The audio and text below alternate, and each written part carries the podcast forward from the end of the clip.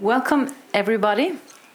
My name is Therese Grøtan, and I am head of uh, Verden i Bergen, which this autumn has expanded from a festival to also being this uh, conversation series.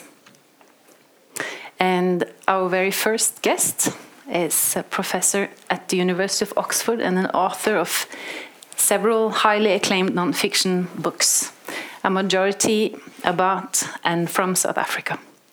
So a very warm and rainy, stormy welcome to Bergen, Jonny Steinberg. Thank you very much. Good to be here.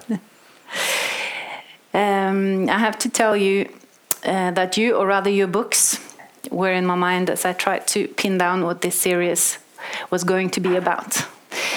Uh, I wrote, What does it mean to be human in the world today? How does large societal changes like economic collapse, war and conflict climate change or religious control affect the individual life. Some of the foremost authors of literary nonfiction visit the Literature House to talk about the little man or woman in the big world. And I haven't read any other writer who does this quite like you. Not least with your um, latest book about the Somali refugee Asad Abdullahi, a man of good hope. This book, as you see here, and is about a story about a single person, a child actually. And his story begins as he is seven or eight years old. What can the experiences of a single person tell us about our times or about the bigger picture, like war? Um, hello, everybody. Good to be in Bergen. I, I mean, I think that, that a thread that goes through everything I write is that I don't just write about a single person, but I write about a person who is very, very different from myself. Mm. Um, and, and my task is to get under the skin of somebody who it's quite difficult for me at first to understand. Um, and what happened with Asad is he and I met in 2010 in Cape Town. He was a refugee, he was living in a shack settlements on the edge of town. I wasn't intending to write about him when I first met him. He, I was had a much bigger book in mind. There were going to be many people in it.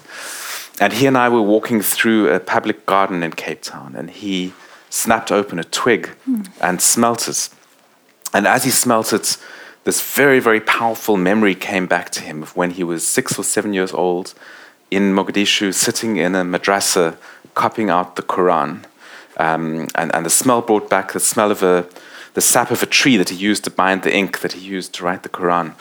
And I'd never met somebody before who could um, so quickly and so powerfully transport me with him to this very strange childhood, a childhood that I uh, very distant from my own. Mm. Um, so I think that it, it, it takes writing about somebody who can do that, somebody who can put the inside out, um, who really has a great facility to understand his interior world and to show it to me. Um, and once I can do that, once I can do that with somebody who is very different to me, it, it, becomes possible to bring a whole world alive. You know, I think it's it's through interior experiences, it's through very private, subjective experiences that big themes happen, um, mm. that politics happens, um, that massive world events like the breakup of a state happen. And if you can do it through somebody's intense, microscopic, individual experience, I think you've really um, um you're really in it. You know, histori- that's the one thing historians battle to find.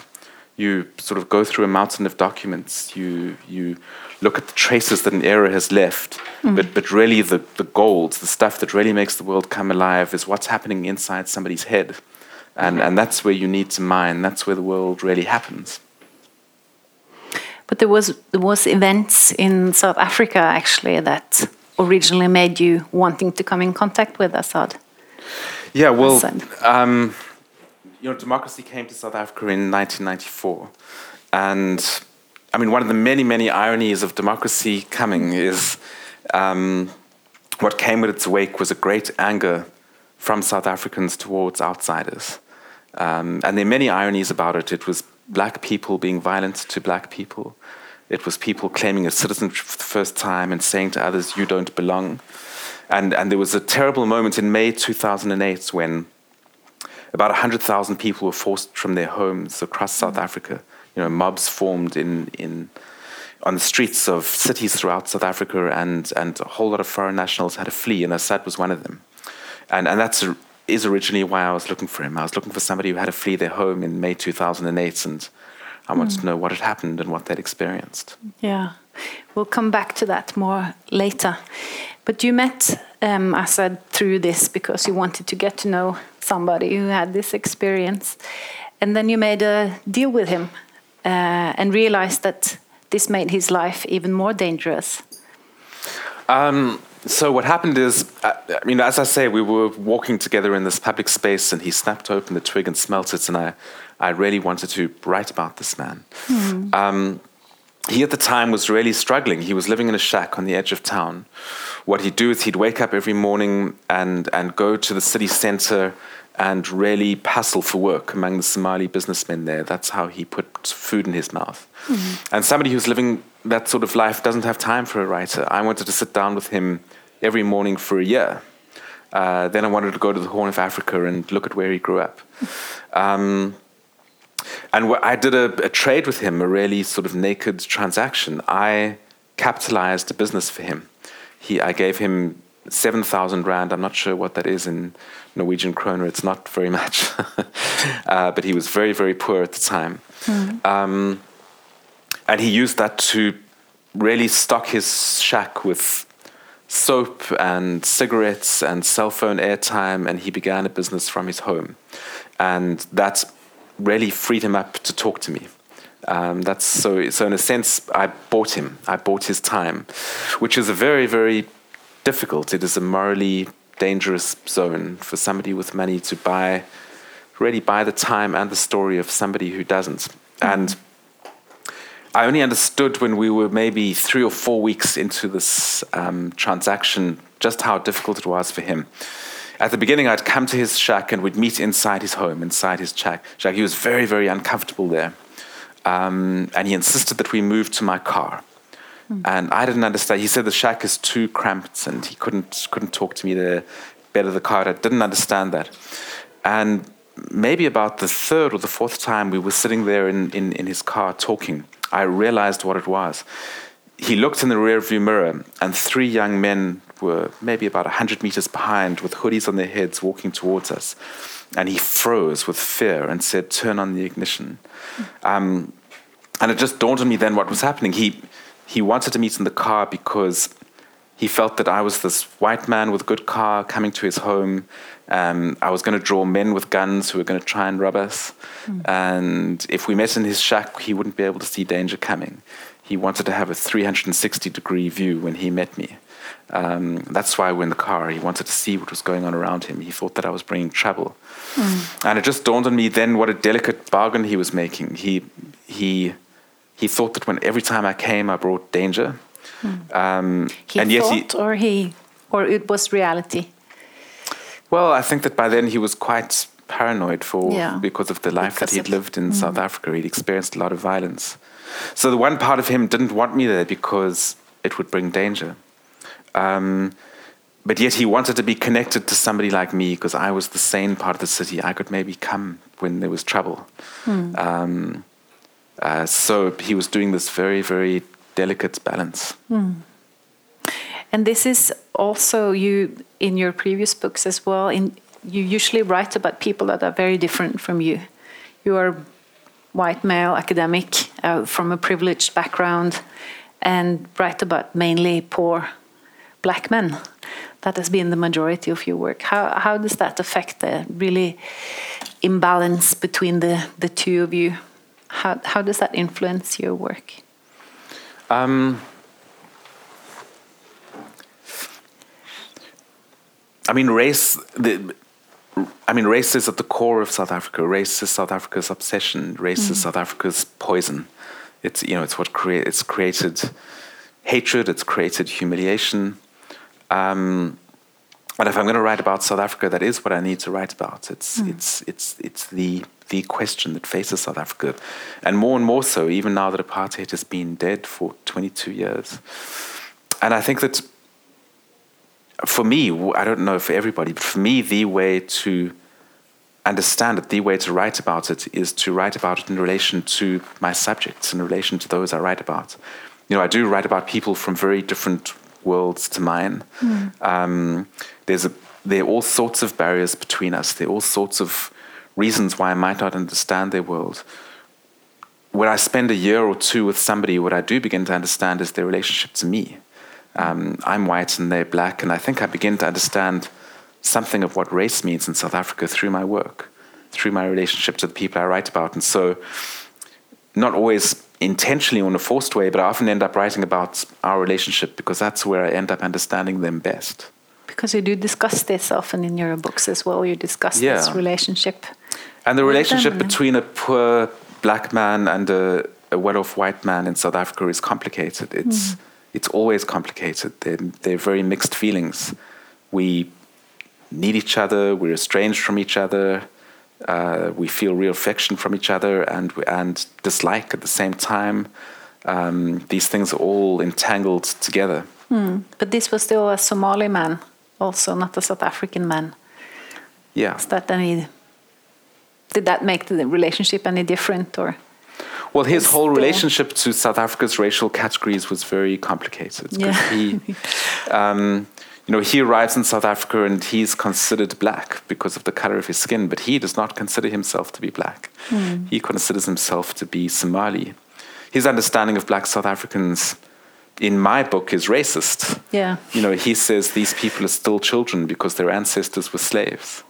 Um, so he walks into a situation whose racial categories um, completely clash with his. Mm. Um, he doesn't understand this world he's walked into. They don't understand him. And yet he's living side by side. He's living in an informal settlement with, with, with um, poor South Africans. They're living in each other's lives. It's a very, it's a very entangled situation. Yeah. And how did he feel about you writing about his life? Did it change over the course of time when you were together? It did change. I mean, he I mean, he's a man steeped in a poet, oral poetic tradition, but not in a writing literate tradition. And he'd never read a book from cover to cover. Mm. Um, and I don't think at the beginning he he had quite absorbed what it meant. Um, and I think by the end he found the whole thing quite creepy. He found my obsession with him a bit strange. So for the first year, I'd visit him three or four times a week, and we'd sit in the car and talk. And then in the second year, I went to uh, Kenya and Ethiopia and followed his footsteps that he walked as a child. You know, he lived this very, very itinerant existence, literally mm. wandering across the Horn of Africa as a child. And I visited every city and town and tried to find people who knew him. In fact, in the end, found a whole lot of stuff out about his family that he didn't know, which mm. was quite difficult. Um, and then he managed to get refugee status in America, and I followed him there and pitched up there. And and I think that by the end he thought, "Am I going to ever shake this man off? I mean, what, what what's going on here?" Um, and when I was about three quarters of the way through the book, I began to show it to him, and he put it down after 20 pages and said, "I can't read this. It's not that it's wrong; it's that it's too painful." Um, I can't see my life splashed out like this is one. I need to put it down. And so in the end, the book wasn't for him at all, it was for other people. So we could now um, put up the map, please. Yeah. so we can go into his world a bit yeah. now, I thought. Um, and even though the Somalis are the biggest uh, non Western group of immigrants to Norway, yeah, and it only um, is surpassed by Syria, a number of refugees in the world. I think uh, many, like myself, do not know that much about the country and the and the and the, and the people. So um, we'll just you'll just give us a brief introduction to to uh, to Asad's motherland and the civil war of that started in ¡91. What yeah. was the background of the you know, the war? There is no way of talking about Somalia that isn't controversial. if you're describing what happened one way, you're not describing it another way. And and one of the great sadnesses of contemporary Somali culture, I think, is that it's it's very very difficult to find a common ground on which to talk about things. Hmm. Um, but Somalia Somali speaking people were divided by European colonialism into five different territories. Um, and so there was northern Somalia, which was a British colony, and there was southern Somalia, which was an Italian colony. There was mm. the Ogaden, which is a big chunk of Ethiopia, which was which is in Ethiopia. There were the territories of northern Kenya. There was Djibouti. Mm. All of these different sovereign states had Somali-speaking peoples in it. Um, and I think the great dream of Somali nationalists in the 1950s and 1960s was to unite all Somalis under one national state. That was the, that was the Somali quest. Um, and it didn't quite happen. Northern and southern Somalia uh, united into Somalia in, in um, 1960. Mm. Um, the Ogaden remained in Ethiopia, northern Kenya remained in Kenya there was a quest to try and bring them together, but other African states weren't interested in redrawing boundaries. Um, in 1977, Somalia actually invaded Ethiopia to try and get the Ogaden back. back. So this, this quest for a greater Somalia uh, was consuming. So Ogaden is oh, what happened now? now it's just going to show. Yeah, it's like the northeastern part of Ethiopia, hey? Uh, no, yeah. I mean the eastern. Over there. Yeah. Yeah. Yeah. Um, Do you want to turn your chair slightly this way? Yeah. so the people can see you. um, but in 91, and so that's one aspect of Somali history. Yeah. I mean, another aspect of Somali history is the clan system, and and and that is again, it's a hugely controversial. There's no way of describing it which doesn't offend. Um, but one way of describing it is to say that there are six great clan families in Somalia, and um, everybody in Somalia should be able to identify themselves in this system. Um, and at one point in the in the 1970s, the Somali um, president Siad Barre banned clans and all talk of clans, um, and yet they they began to live a clandestine, unspoken life, organizing political life. Mm. By the early 1990s, by the time civil war broke out in in um, in Somalia, for the very first time in Somali history, people were attacked simply because of their clan family. Mm. Um, that had never happened before, and in, in that sort of blunt scale. Um, Asad uh, was born and, and spent the first seven or eight years of his life in Mogadishu, the capital of um, Somalia. Um, he was Ogadeni, which meant that his clan family was Darud. Uh, in January 1991, um, the city was invaded by people who, uh, by militias who were, after all, Darud men. Mm. his mother was killed in front of him. Um, he fled south with his with his uncle. Um, ended up in a refugee camp in Kenya. Um, and that's that's how his exiled life began at the end at the age of eight. Um, yeah. Yeah. So it was Somaliland claiming independence, right? That started uh, in '91. Well, it was an invasion of, of northern forces of the south of Mogadishu. Okay. But yeah. yeah, yeah. So and then um, I was going to ask you what happened the night um, Asad Abdullahi fled Mogadishu, but you started now talking about how his, but his, her, his father, where was he, and the rest of the family, what happened? Um, well, when the fighting began in January '91, his father left home, um, and he didn't ever see his father again. Hmm. Uh, about a week after his father left home, uh, four militia, armed militia people entered his family's property uh, broke down the door, killed his mother, um, and he fled into exile with family. Mm. Um, moving south towards Kenya, there were thousands and thousands of people from Mogadishu moving south at the time. Mm. He was separated from his family and ended up entirely alone. Um, How did that happen? Um, it was a very dramatic moment where the family was moving onto the back of a truck and a shell exploded The truck drove off with the son and his cousin on it. Everybody else was left behind. So he was then with his uncle, right, and his cousin. Yeah, and he was separated from them. Yeah. yeah. So after his mother was killed in front of him and his siblings, there were family coming and taking the children. Yeah, I'm, not- I'm not sure that telling the whole story in, in the gritty detail Hmm. now is is um, works. No, but Um, just to to show that he ended up the way he was ended up being completely by himself. Yeah. I know. Yeah. And then I, I guess the whole course very young. very young, but the whole course of his childhood consisted of one series of very tactical, sort of careful alliances with one adult after another.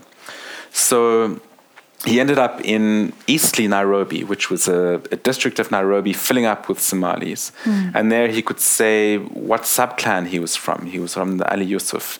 And the Ali Yusuf subclan took him in. Uh, they all lived together in a hotel in the middle of Eastleigh. Uh, he was fed every day, he had a bed every night, but he didn't belong to anybody in particular.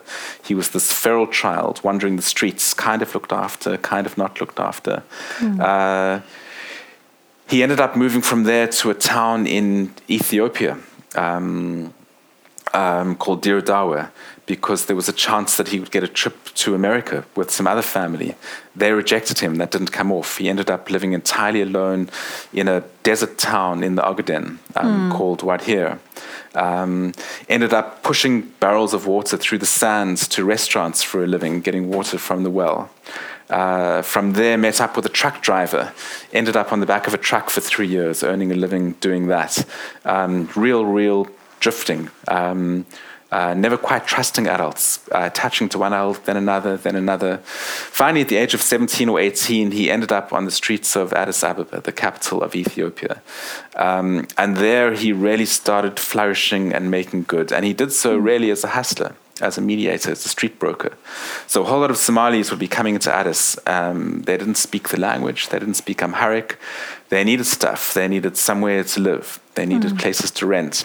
Above all, they needed false documents. They needed documents to say that they were Ethiopian. And he began broking their relationship with Ethiopians for a living. Um, and that's where he discovered his power as an entrepreneur, as a, as a broker, as somebody who could lead people to what they want and earn some money from it.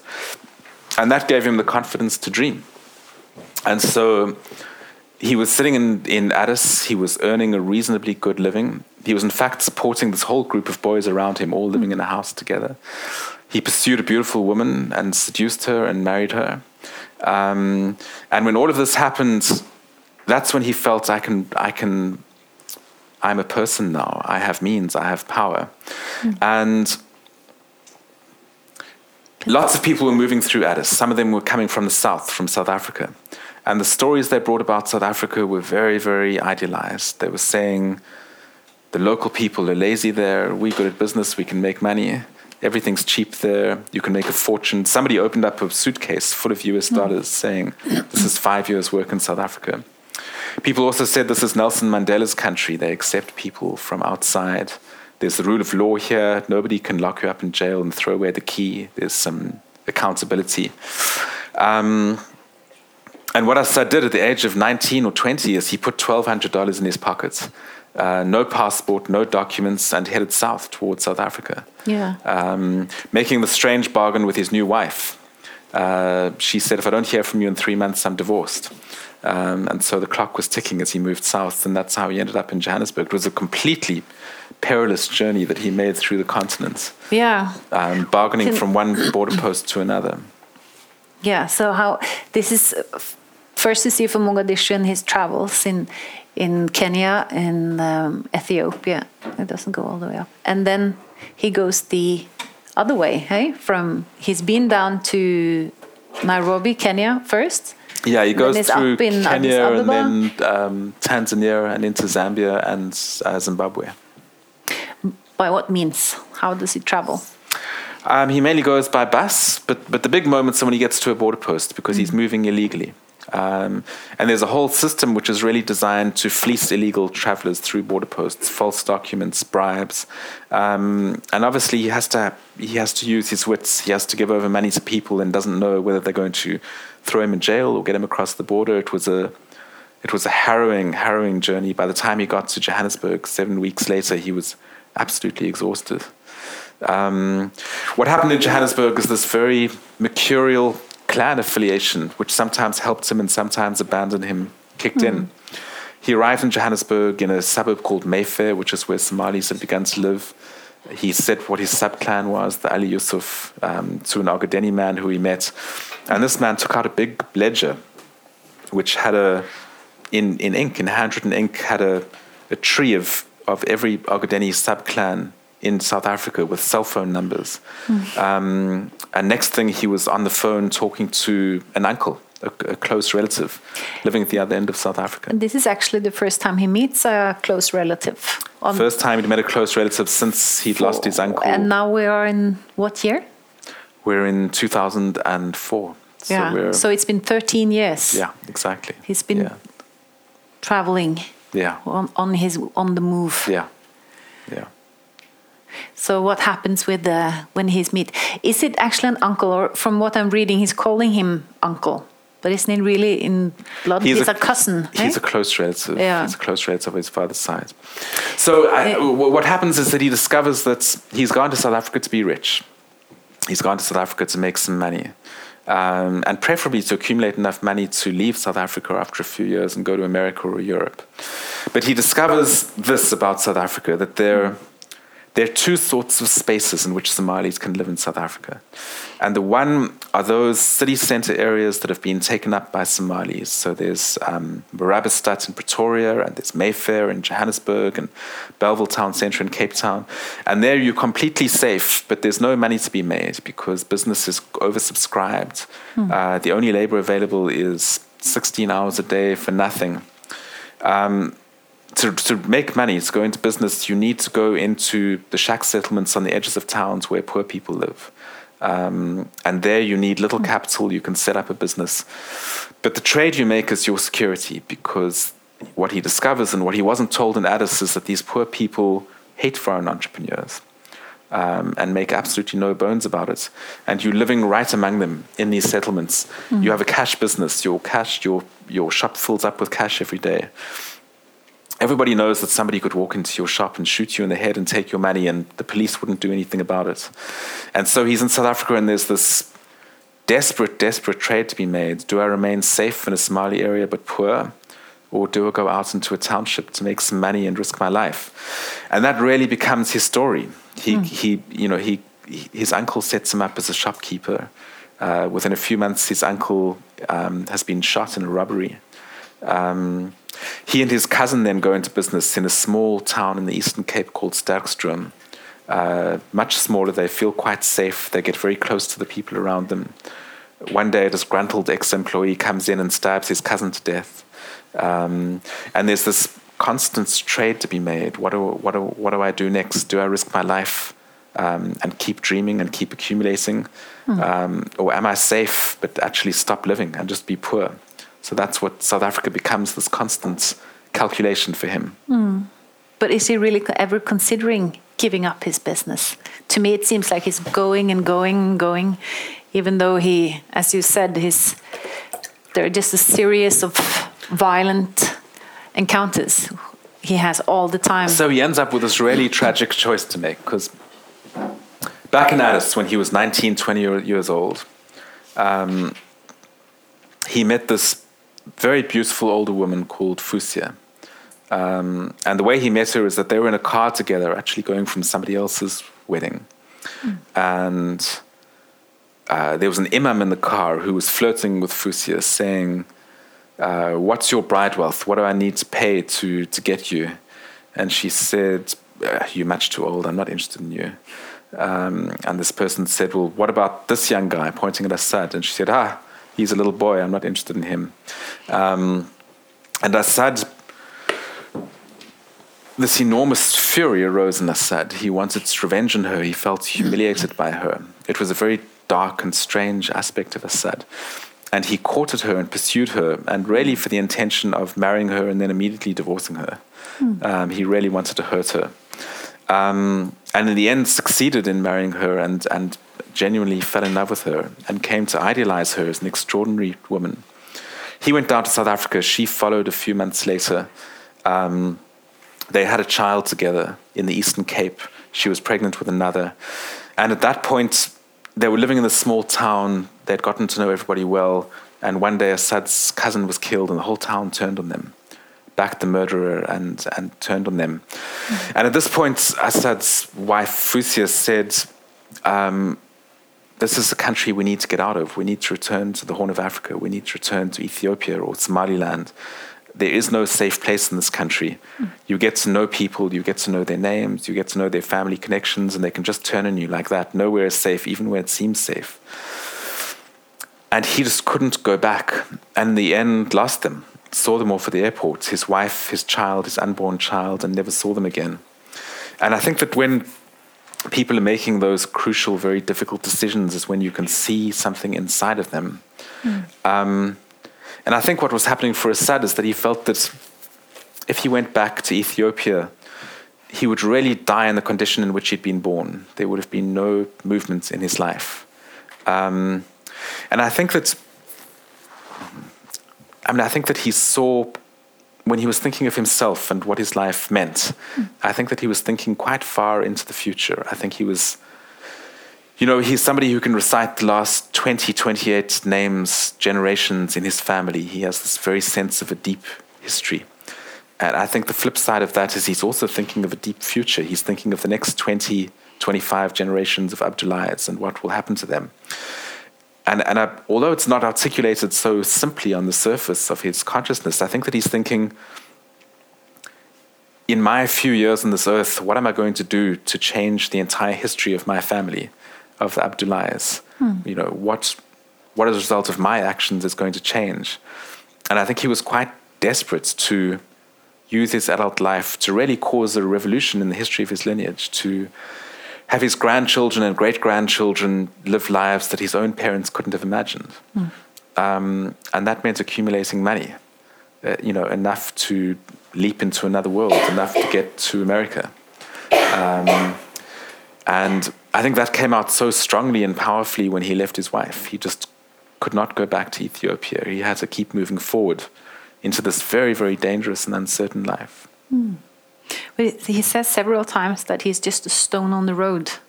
But is that that anybody can can pick it up, or that?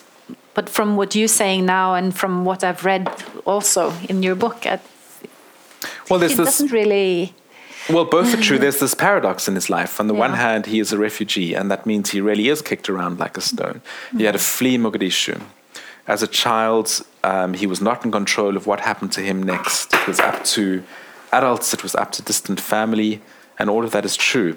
And yet, what's also true at the same time, paradoxically, is that his decisions are so massively important. They determine what happens next. Mm. So, for instance, he thinks back to the time he decided to leave a track, leave working on a track at the age of 16 and go and wander into Addis. Yeah.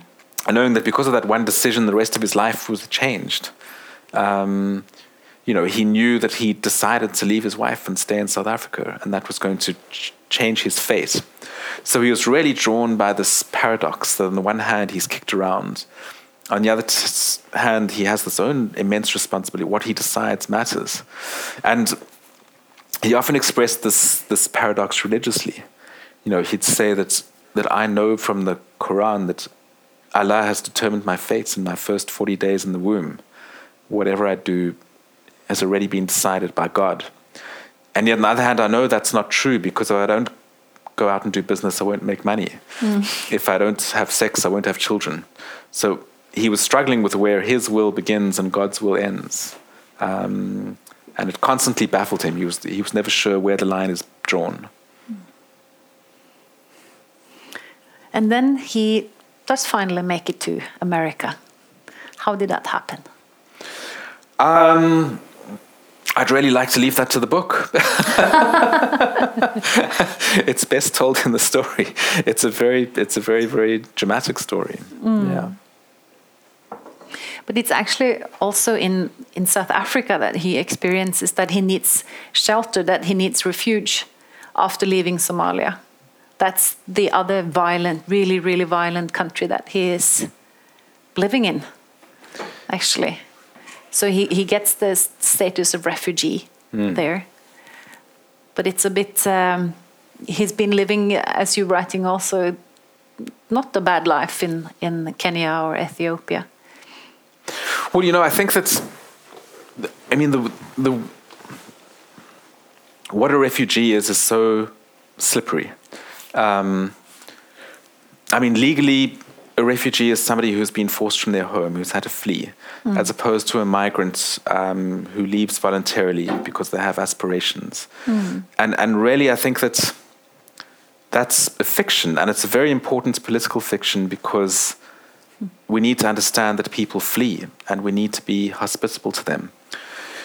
But I think it's also true that if you say that all a person done has, has fled, you in a sense taking away their humanity, mm. because refugees are also people who have very strong wills, who are very creative, who are sometimes manipulative, who make something of a situation. Also, people who aspire.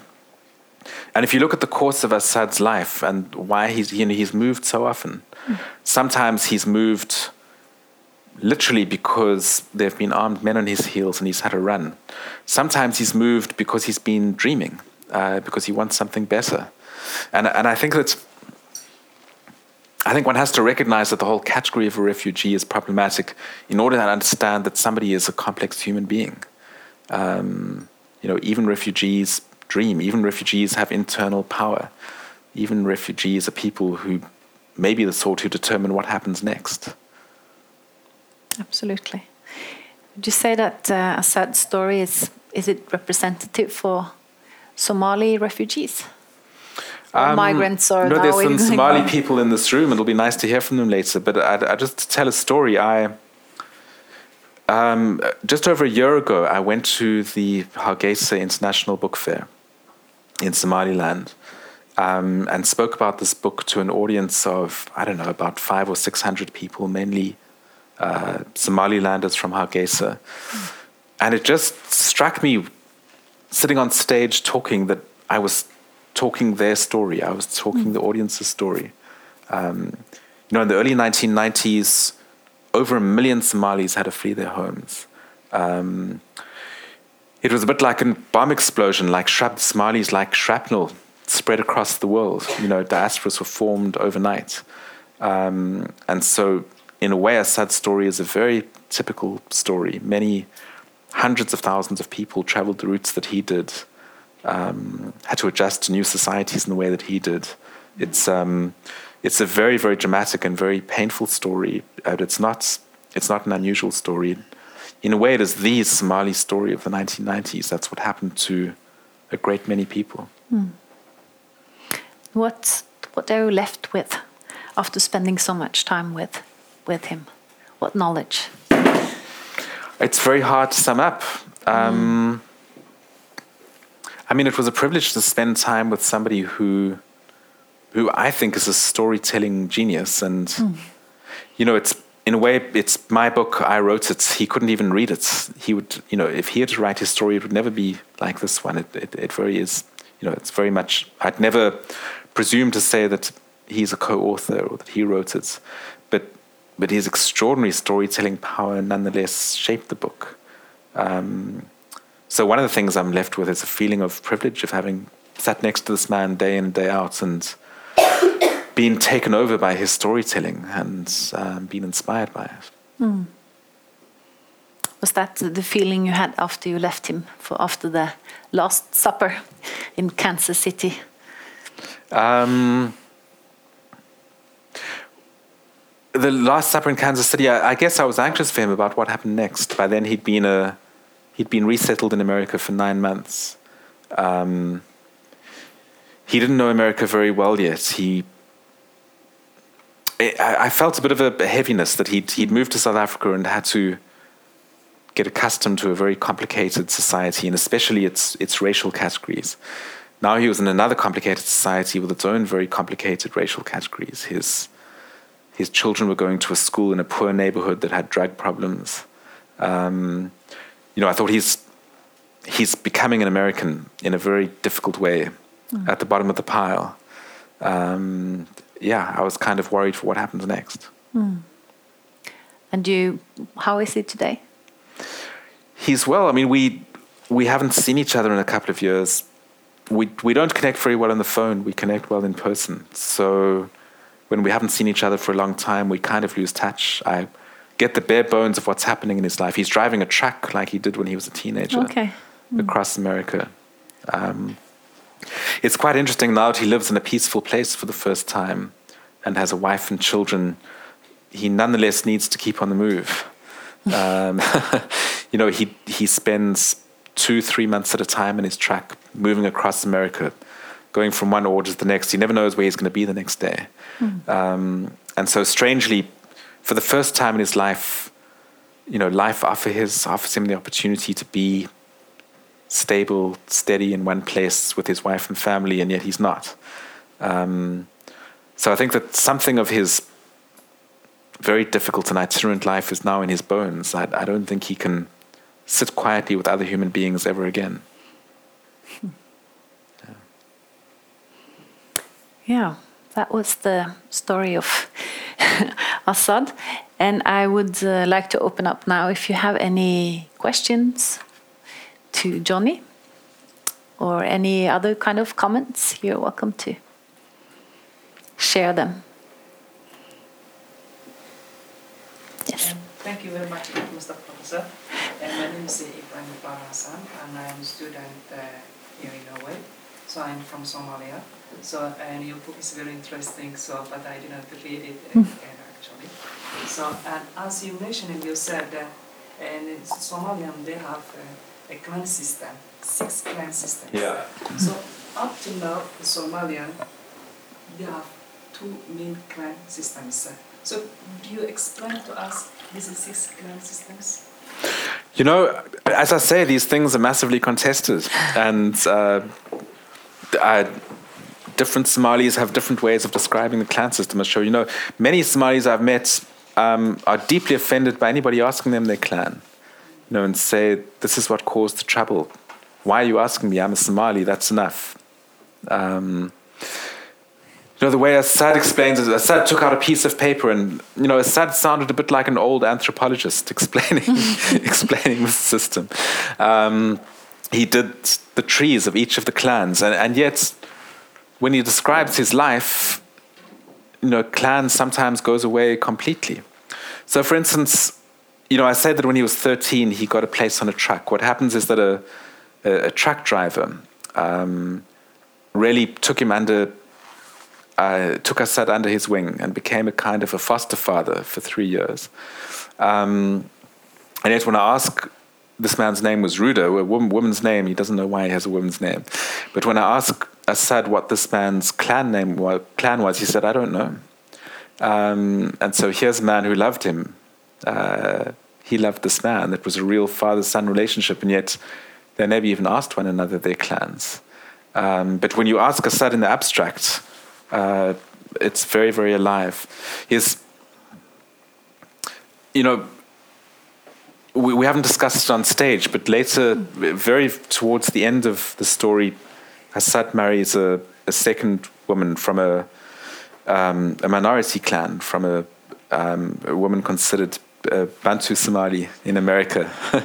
um, and he gets very, very ostracized by the Ogaden people around him saying, you know, saying terrible things about what he's done. And he gets enormously angry about it um, and says this clan system is poison. Um, other times he says, I'm an Ogadeni, a proud Ogadeni. So I think that what he feels about these things is so contradictory, um, so complicated. Um, you know, all of us human beings hold dissonant, contradictory things in our heads at the same time. Um, one of the things that struck me about Asad is that when he was so angry with Ogadenis for being rude to him about who he married, what he was saying about black South Africans, to my mind, came from a, a sort of very Somali kind of racism. He was saying, because of the color of these people's skins and the shapes of their noses, I know that their ancestors were slaves. Um, and they have been dishonored forever. Um, and that is why they are violent. That is his explanation of why they were violent to him, you know, about what happened in deep, deep history. Um, so I, I, guess that through spending all this time with him, I, I, I got to understand how this very, very divisive way of thinking runs very, very deep. And he tries to shake it off, but it's still deep in him. It was very interesting to watch. What, say more, what are your thoughts? Um, it's very difficult for Somalian to, uh, to tell you what Yeah. is clan. But if, uh, for example, if we are in Somalia, there is many conflicts inside Somalia because the clans divided for different places. Exactly. Inside Somaliland and uh, South Somalia. But uh, there is always conflict, but no one needs to to go directly to claim his, his uh, and this family. Yeah, But I think it's uh, very sad for Somalia, yeah, at the moment. absolutely. Mm. Uh, I have a question. My name is Jonathan. I came from Eritrea, not from Somalia.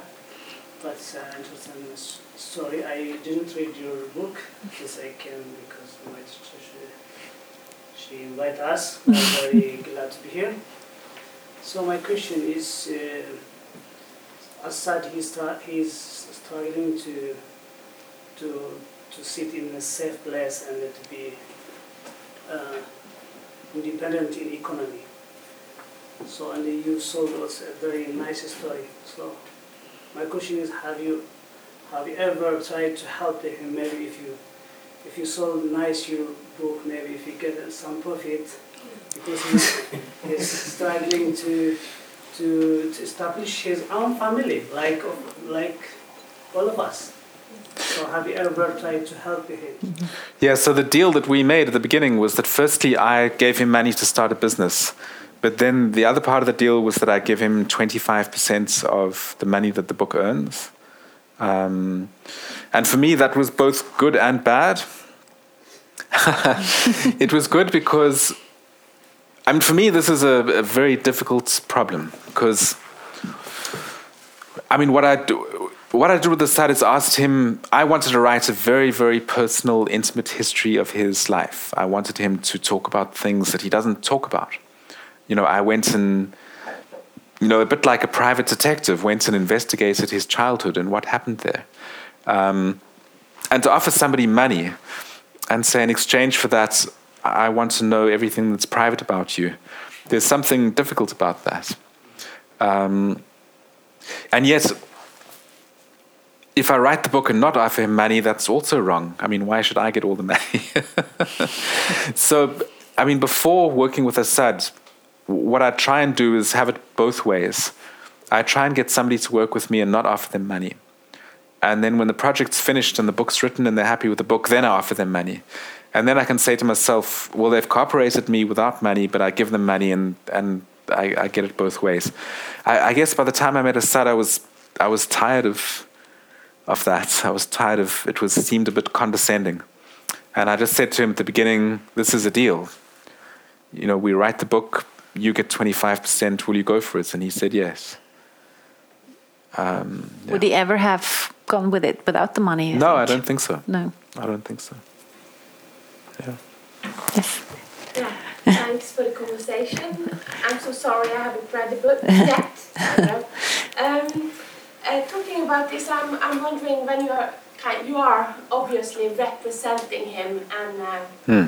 um, when you found uh, that he had, you know, his own um, ex- experience, his own um, way of telling things and stuff, and, and you found maybe other stuff when you took the travel and you talked to people. Mm. What did you prioritize to to um, his story or this other whole other story? Mm. No, great question. So, I mean, the answer is different in different points in the book. Um, I mean, any human being remembering their past is is fictionalizing to some extent. That we we all necessarily do it. Um, so then I had to decide what do I do with that? Do I allow Asad's fiction to run, or do I get in the way and say no? This is actually the truth. And for most of the book, I just allow Asad's fiction to run. And I don't say this is fiction, this is his memory and not reality, but I think if you read carefully, you can tell. So, for instance, all the women in his childhood, fall into two stark categories. They're either angels or they're devils. Um, and and and that's really his relation to women. Then, and his first wife starts as a devil and becomes an angel. Um, his mother is an angel. There's nothing in between. And if you read that, you know these are not the real women. These are the women of his imagination. These are the women of his memory. And yet, I didn't feel it necessary to say that. I thought, you know, an observant, careful reader will know that we're dealing with somebody's internal world here. Its relationship to the real outside external reality is complicated. But then there were times where I did feel that I had, had to intervene for particular reasons. So,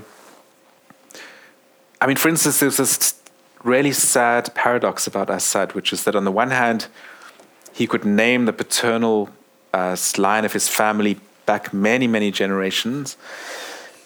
But yet, on the other hand, his sense of who his family was, I discovered through my own research, was wrong.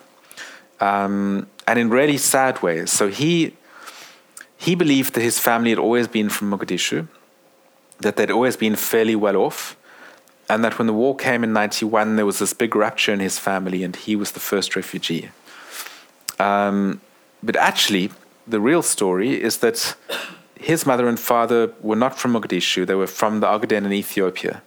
And in 1977, when Somalia invaded and war came, they became refugees and they fled to Mogadishu a few years before Asad's birth. And the reason why it's so sad is that when Asad was um, a child on the loose, moving through Ethiopia on this track, he moved through his father's home village, and his father was there. Um, and Asad didn't know it was his father's home village because he had this fictitious idea of where his family was from. And this is something I discovered. I had to go and tell Asad, you know what, when you were moving through the Ogaden, your father was there. If you'd known that, your life would have turned out very differently. Um, so, firstly, I felt obligated to tell him that. Um, and secondly, it seemed right to put that in the story. Um, it was a very sort of poignant, difficult moment. So, that's a long answer to the question. Sometimes it's his memory and it, you don't interrogate it.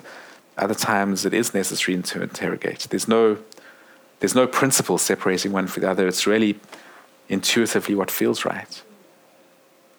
But if I can just add to that, you also what what you do in your book is that you write it out. So you write, you tell the reader what you do. That you go and search yeah. for uh, and meet his family, and then you put it down in the book how it comes along, so the reader can follow your um, investigational travels and a short story at the same time.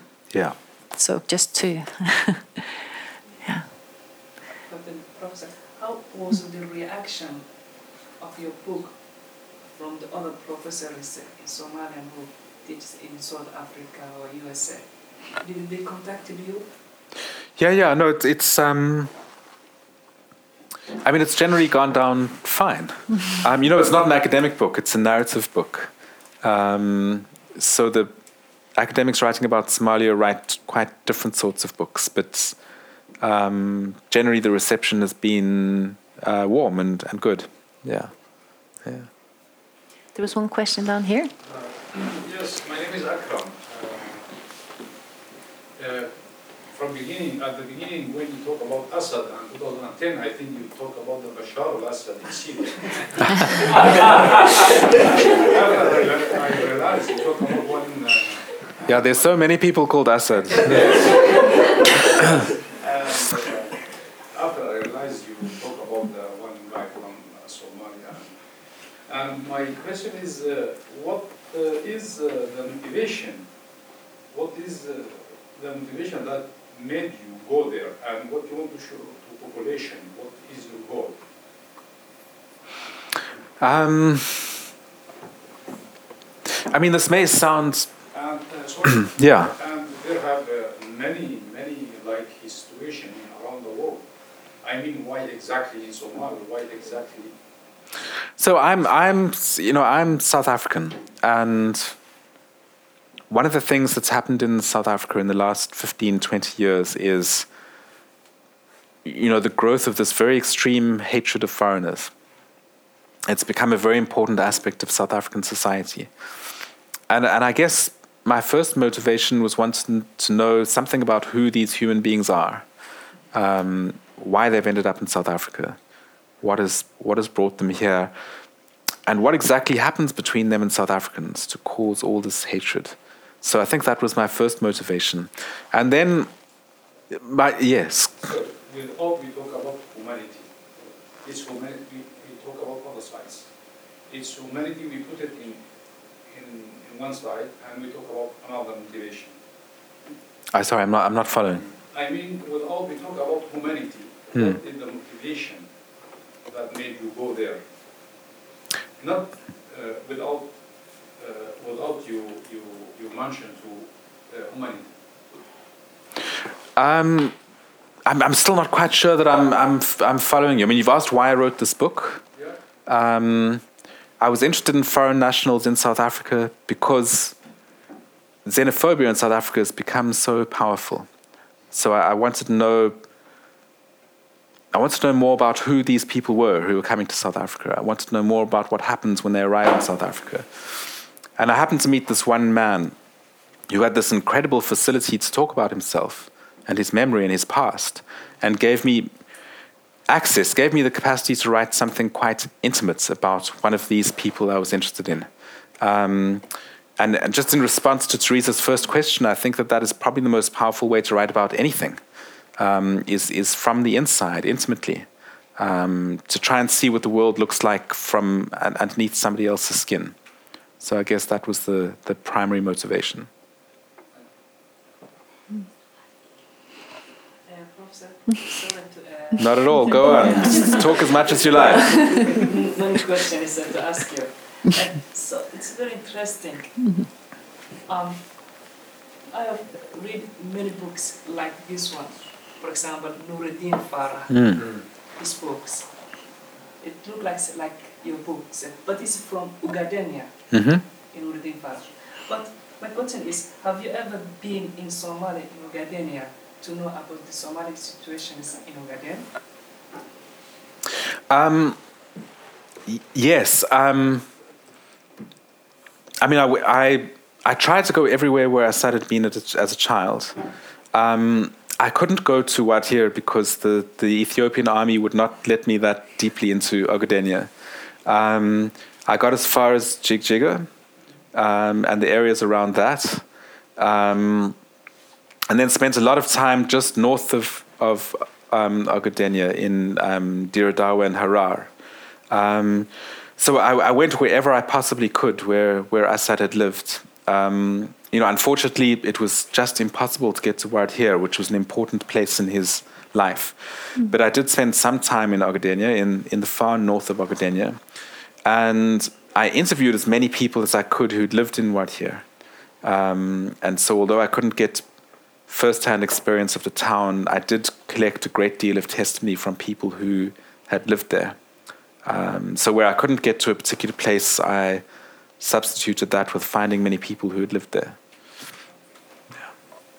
Okay, one more. Yeah. Last question. Mm. Uh, I would like to say, of course, the Asad story maybe in the other way it relates to our our story as an immigration. Yeah. as Immigrant. Because even we came to Norway, it's not difficult from Somalia to South Africa because people are coming with illegal paper or with illegal routine to, to Norway, to Europe. So, but the difficulty I saw in some point in my maybe personal life in the last situation. So I would like to say maybe in some way it can represent. Uh, that, but my main question is, you are from South Africa, and we know all about South Africa. It's the apartheid, and uh, now also we are seeing in South Africa also this uh, xeno- xenophobia. So how how your reaction? How it's react? Book is react because the South Africans uh, before 20 years they are complaining about apartheid. Now also they are they are doing some very strange thing to to the to the foreigners because I heard a lot of Ethiopians also a victim hmm. of that xenophobia. Hmm. So would you?